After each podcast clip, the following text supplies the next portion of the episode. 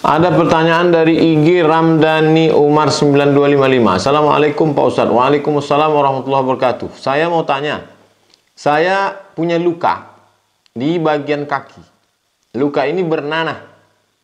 Ketika saya sholat, apakah sholat saya sah kalau keluar nanah dari luka tersebut?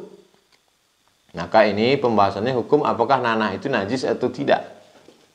Sebab itu maka mayoritas jumhur ulama mengatakan ketika kita luka, yang pertama kali keluar adalah darah, setelah itu muncul cairan yang disebut dengan sodid, kemudian setelah itu dia menguning menjadi nanah disebut dengan qaih. Maka cairan nanah itu adalah najis.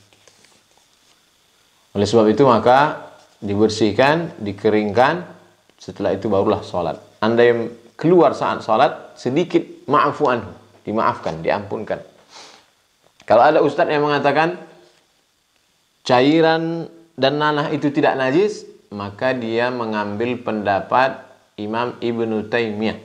Adapun mayoritas jumhur ulama mengatakan bahwa cairan nanah yang keluar itu adalah najis. Kalau terkena ke kain maka mesti dicuci dibersihkan. Dalil ulama A'udzubillahi minasyaitonirrajim wa yuharrimu alaihimul khaba'is.